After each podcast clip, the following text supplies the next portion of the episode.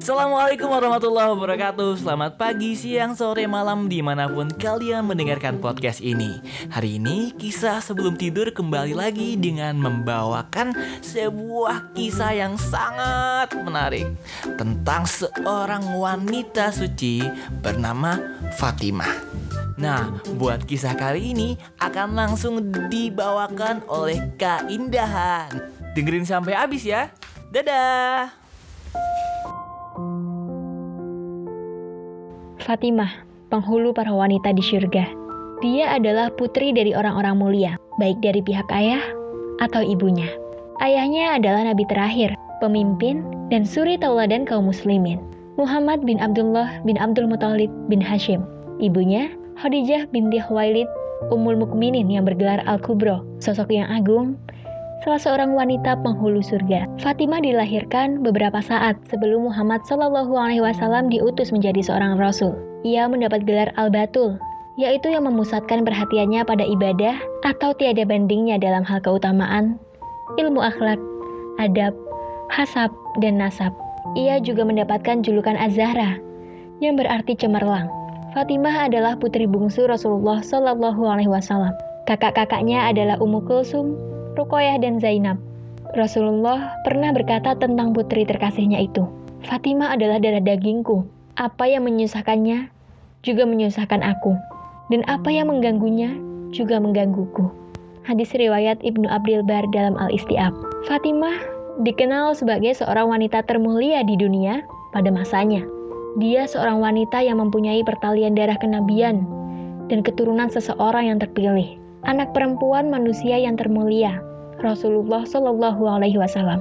Dia adalah ibu dua anak yang mulia, Hasan dan Husain. Fatimah juga termasuk orang mujahidah yang turut berjihad di medan perang, termasuk di Uhud. Ketika wanita-wanita sahabat keluar untuk memberikan pertolongan kepada kaum muslimin, Fatimah pun turut serta. Ketika bertemu Nabi Shallallahu Alaihi Wasallam yang terluka, ia memeluk dan mencuci luka-luka ayahnya dengan air, sehingga darah semakin banyak yang keluar. Tatkala melihat hal itu, Fatimah kemudian mengambil sepotong tikar, lalu membakar dan membubuhkannya pada luka Rasulullah sehingga melekat dan darahnya berhenti keluar. Hadis riwayat Tirmidzi. Selain itu, Fatimah juga membantu kaum muslimin yang lain, di antara tikaman tombak dan sabetan pedang, serta hujan anak panah yang menimpa kaum muslimin, ia memberikan pengobatan, menyediakan air minum bagi para prajurit, dan mempersiapkan kebutuhan makanan pasukan muslimin. Ummul Mukminin Aisyah mengatakan, suatu saat istri-istri Nabi Shallallahu Alaihi Wasallam berkumpul di tempat beliau. Lalu datang Fatimah sambil berjalan, sedang jalannya mirip dengan jalan ayahandanya. Ketika Nabi Shallallahu Alaihi Wasallam melihatnya, beliau menyambut Fatimah seraya berkata, Selamat datang putriku. Kemudian beliau mendudukkan Fatimah di sebelahnya lalu berbisik-bisik. Tiba-tiba, Fatimah menangis dengan suara keras. Melihat kesedihannya, Nabi Shallallahu Alaihi Wasallam berbisik kepadanya untuk kedua kalinya. Setelah itu, muncullah senyuman indah Fatimah. Setelah Rasulullah pergi, Aisyah berkata kepada Fatimah, Rasulullah Shallallahu Alaihi Wasallam telah berbisik kepadamu. Kemudian engkau menangis dan seketika tersenyum. Sebenarnya apa gerangan yang dikatakan Rasulullah Shallallahu Alaihi Wasallam kepadamu? Fatimah menjawab, Aku tidak akan menyiarkan rahasia Rasulullah Shallallahu Alaihi Wasallam. Ketika Rasulullah Shallallahu Alaihi Wasallam telah wafat, Aisyah kembali bertemu Fatimah dan berkata, Aku mohon kepadamu, ceritakanlah kepadaku apa yang dikatakan Rasulullah Shallallahu Alaihi Wasallam kepadamu waktu itu. Fatimah pun menjawab, Adapun sekarang, maka baiklah. Ketika berbisik pertama kali kepadaku, beliau mengabarkan kepadaku bahwa Jibril biasanya memeriksa bacaan Al-Quran Rasulullah sekali dalam setahun. Dan sekarang, dia memeriksa bacaannya dua kali. Maka, kulihat ajalku sudah dekat. Takutlah kepada Allah dan sabarlah. Aku adalah sebaik-baik orang yang mendahuluimu. Kata Rasulullah. Maka aku pun menangis sebagaimana yang engkau lihat itu.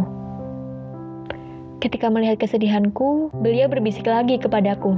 Wahai Fatimah, tidakkah engkau senang menjadi pemimpin wanita-wanita mukmin atau umat ini? Seketika aku pun tersenyum seperti yang engkau lihat. Maka karena perangainya yang baik serta sifatnya sangat mulia, Fatimah menjadi salah satu wanita yang dijamin masuk surga. Bahkan menjadi pemimpin wanita-wanita mukmin di surga kelak.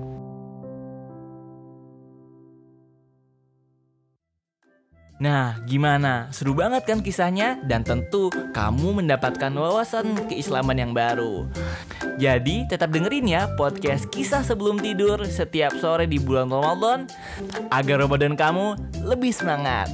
Assalamualaikum warahmatullahi wabarakatuh. Dadah.